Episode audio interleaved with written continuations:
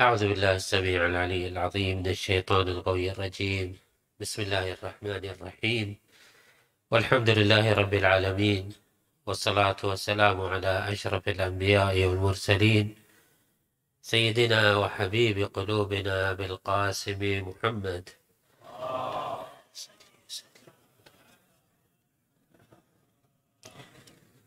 وعلى آل بيته الطيبين الطاهرين المعصومين الميامين.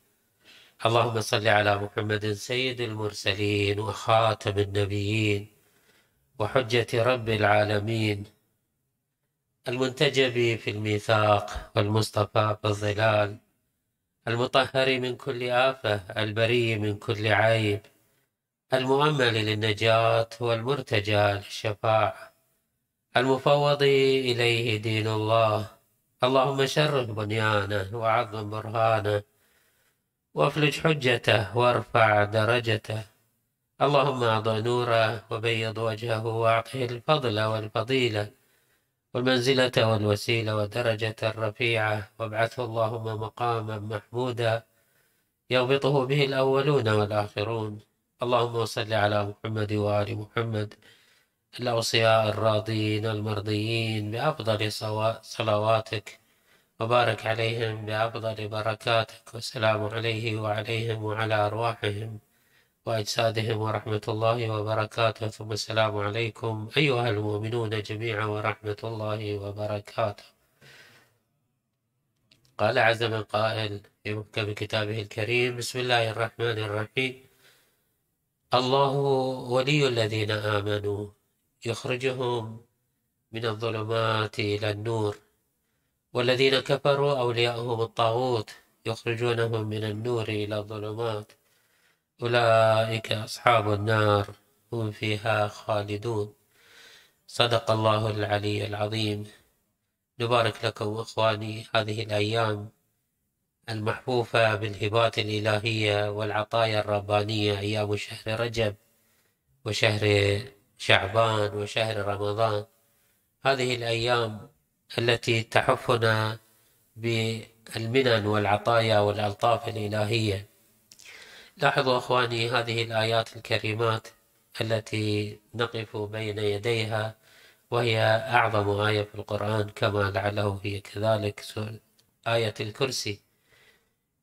يقول الله عز وجل فيها الله ولي الذين آمنوا. لنستبين بعض آفاق هذه الآية نقدم ونضع بين أيديكم أخواني هذه النقاط. أولا أنه كل ما في هذا الكون هذا الإيجاد وهذا الخلق وهذا الإبداع الإلهي لهذا الكون منطلق من منطلق يسمونه المنطلق الحبي. يعني أن الله عز وجل يحب مخلوقاته وأن الله لطيف رحيم حنون عطوف وأنه أوجد هذا الوجود لكي يوجد أرضية لاستقبال هذا المن وهذا العطاء وهذا آه، الفيض الرباني العميم الذي لا يحده شيء. لعله يستعصي على الإنسان أن يستوعب هذه المساحة من الألطاف الإلهية. لنستحضر بعض الروايات التي نستهدي من خلالها ونسترشد ونتلمس من خلالها بعض آفاق هذه الألطاف الإلهية التي هي مبعث كل ما في هذا الكون ومصدر كل هذا الإيجاد. تقول بعض الروايات أنه من تقرب إلي شبرا تقربت إليه ذراعا ومن تقرب إلي ذراعا تقربت إليه باعا. وإذا أقبل إلي عبدي مشيا أقبلت عليه هرولة هذا هي منطق العلاقة بين الله وبين مخلوقاته. علاقة المحبة علاقة الشوق علاقة اللطف. لاحظوا تتم في هذه الرواية تقول الله أفرح بتوبة عبده من أحدكم يجد ضالته بالفلات لعله العربي الذي يقطع الفيافي يدرك معنى هذا الشعور الذي يخالج الإنسان عندما تتفلت عليه دابته وهو في وسط الفلات. الفلات يعني الأرض الجرداء القاحلة الممتدة التي لا أمد لها. عندما تضيع دابته يعني يضيع, يضيع عمره يعني تضيع مستقبله. كيف يجد في نفسه برد فرح عندما يجد ضالته ودابته بين يديه؟ كذلك الله جل وعلا لا يخالجه أحاسيس ومشاعر.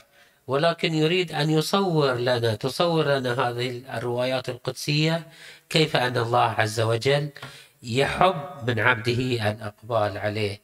تقول بعض النصوص القدسية أيضا من طلبني وجدني من طلبني وجدني ومن وجدني عرفني ومن عرفني أحبني ومن أحبني عشقني.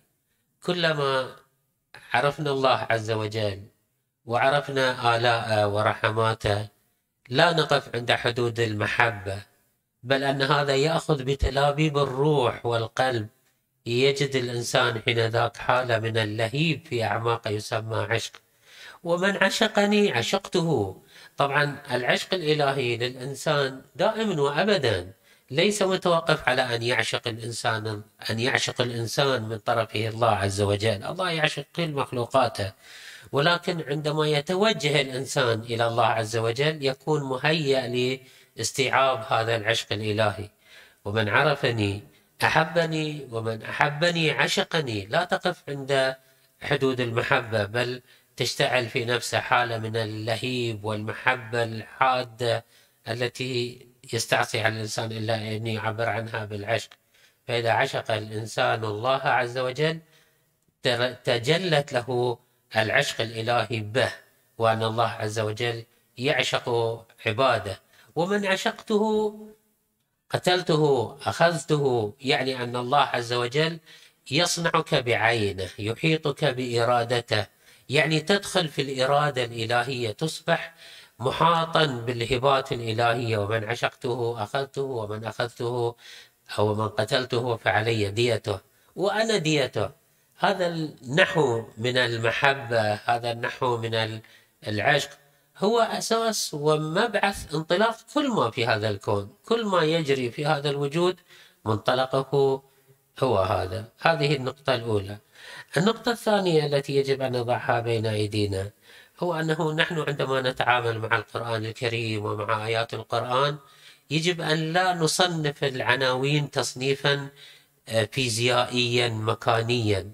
يعني عندما يقول القرآن الكريم الله ولي الذين آمنوا يخرجهم من الظلمات إلى النور والذين كفروا أولياءهم الطاغوت من هم المؤمنون ومن هم الكفار. لعله الكثير يتبادر في ذهنه أن المؤمنين هم طائفة من الناس محصورين في مكان وفي زمان وفي ظرف معين. هذه الطائفة كيفما كانت يطلق عليهم لفظ المؤمنين كما هو الحال في مثلا هذا الموجود مثلا هذا الموجود في هذا الصقع المبارك والمسجد المبارك. الكفار هم تلك الطائفة. القرآن الكريم لا يتعامل مع هذه المصطلحات بهذا النحو من التصنيف المكاني والزماني والظرفي والفئوي. القرآن يتكلم عن المؤمن الذي يخالج في نفسه مشاعر الإيمان وحلاوة الإيمان. فقد تصبح مؤمنا وتمسي كافرا وقد تمسي كافرا أنت وأنا وكل واحد منا. في كل آن هو يجب أن يعيش حالة هو فعلا يعيش حالة من التذبذب بين الإيمان والكفر النسبيين. الله ولي الذين آمنوا يعني كلما كنت متوجها إلى الله كلما أشعلت في نفسك حالة الإيمان دخلت في حيز الولاية الرحمانية واللطف الإلهي والعناية الإلهية وتتولاك الرحمة الإلهية. لاحظوا الروايات التي تشير إلى هذا المعنى أنه من تساوى يوما فهو مغبون هذا لا هو في هذا الطرف ولا في هذا الطرف من تساوى يوما؟ سواء كان يعيش في أدغال إفريقيا أو في مكة المكرمة سواء كان من أبوين مسلمين أو من أبوين كافرين.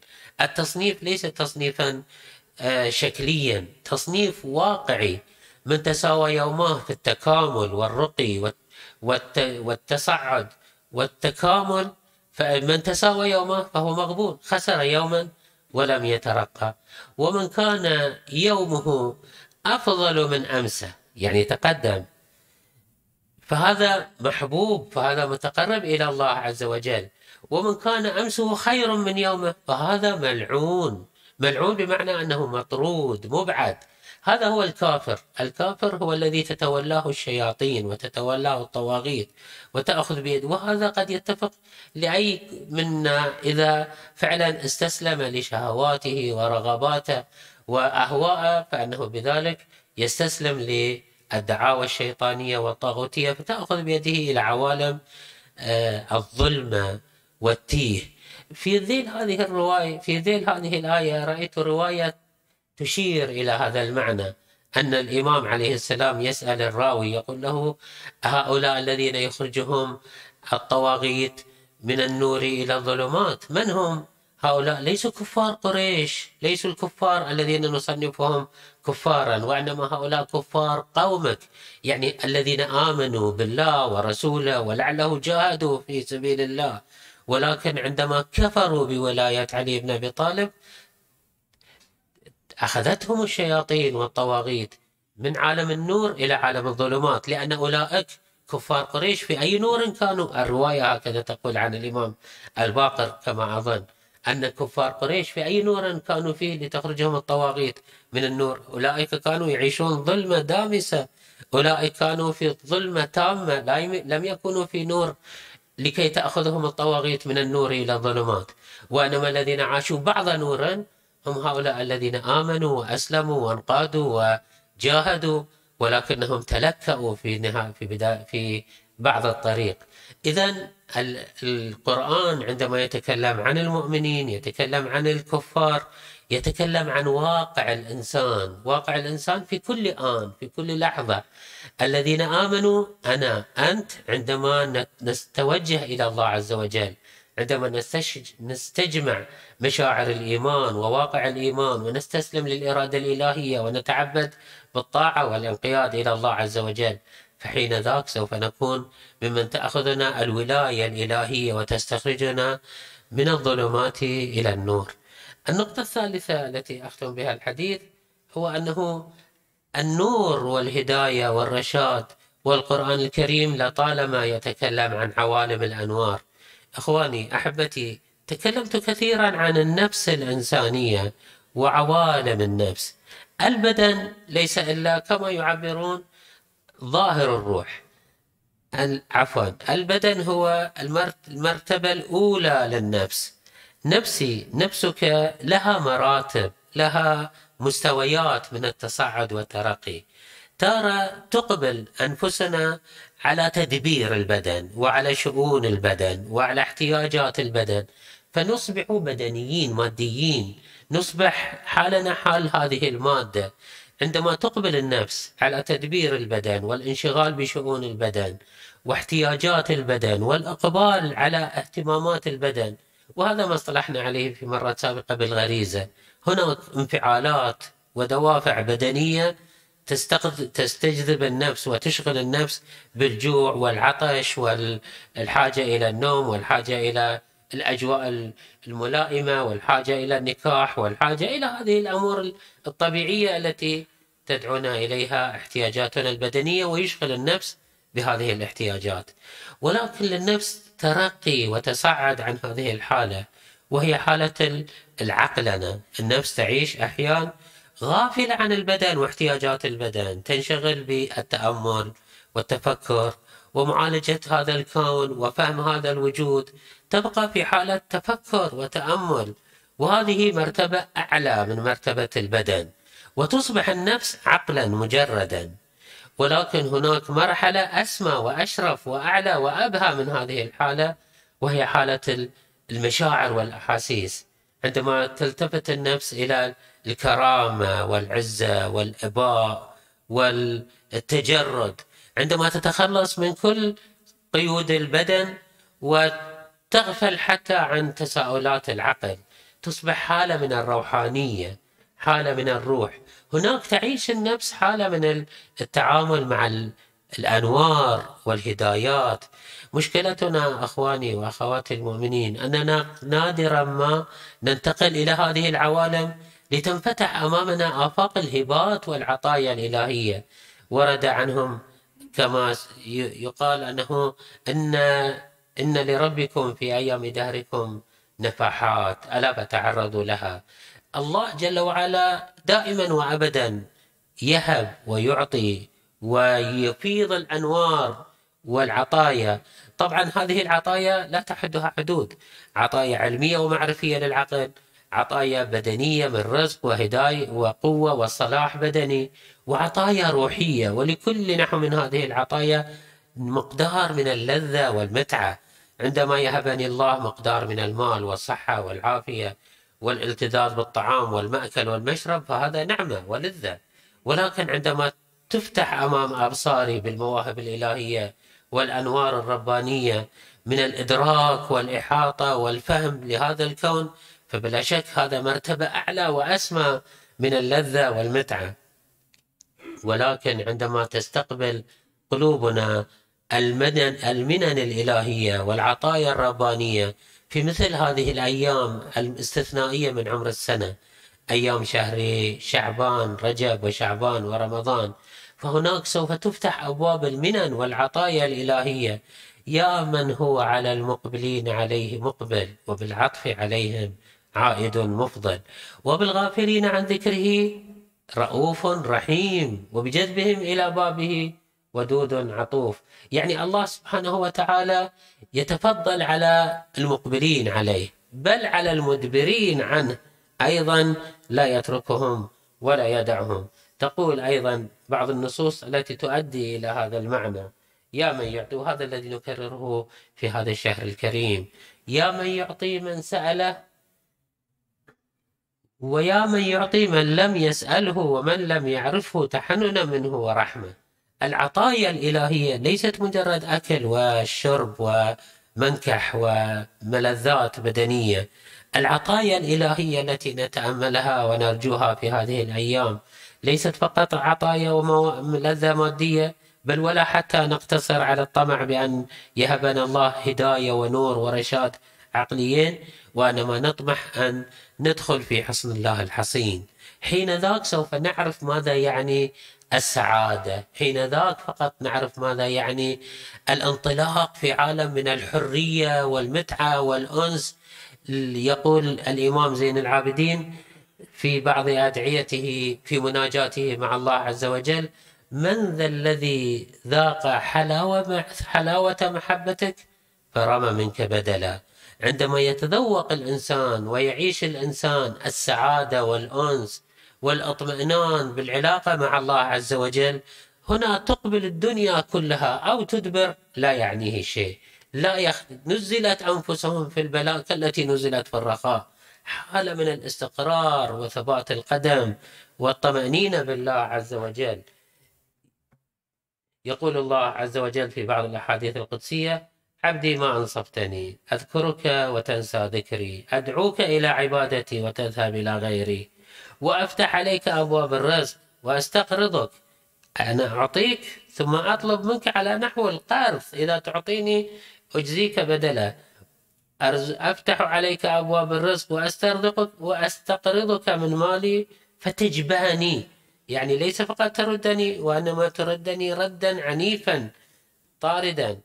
وأذهب عنك البلاء وأنت معتكف على فعل الخطايا أخيرا يقول الإمام زين يقول الإمام أمير المؤمنين عليه السلام في توصيف المؤمنين الذين انقطعوا إلى الله عز وجل. في توصيفهم يقول قد أحيا عقله. عقله يعني وجدانه يعني إدراكه يعني مقابل أهواءه وشهواته. قد أحيا عقله وأمات نفسه. نفسه يعني هو نعم غريزته وأهواءه البدنية وشهواته. طبعا تكلمنا في مرات سابقة أنه لماذا يطلق على هذا نفس وهذا عقل وذاك قلب.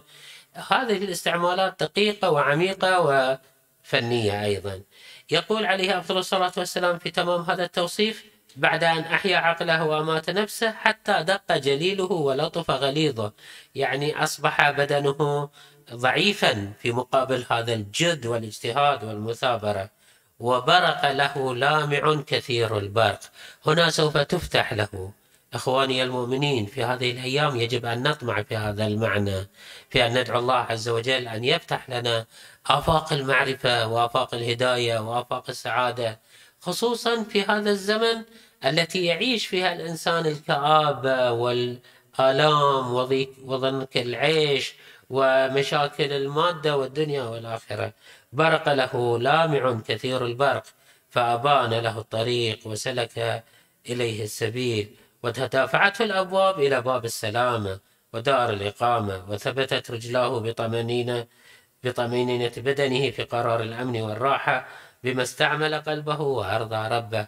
نرجو من الله سبحانه وتعالى أن يلطف بنا وبكم وأن لا يتركنا لأنفسنا طرفة عين أبدا.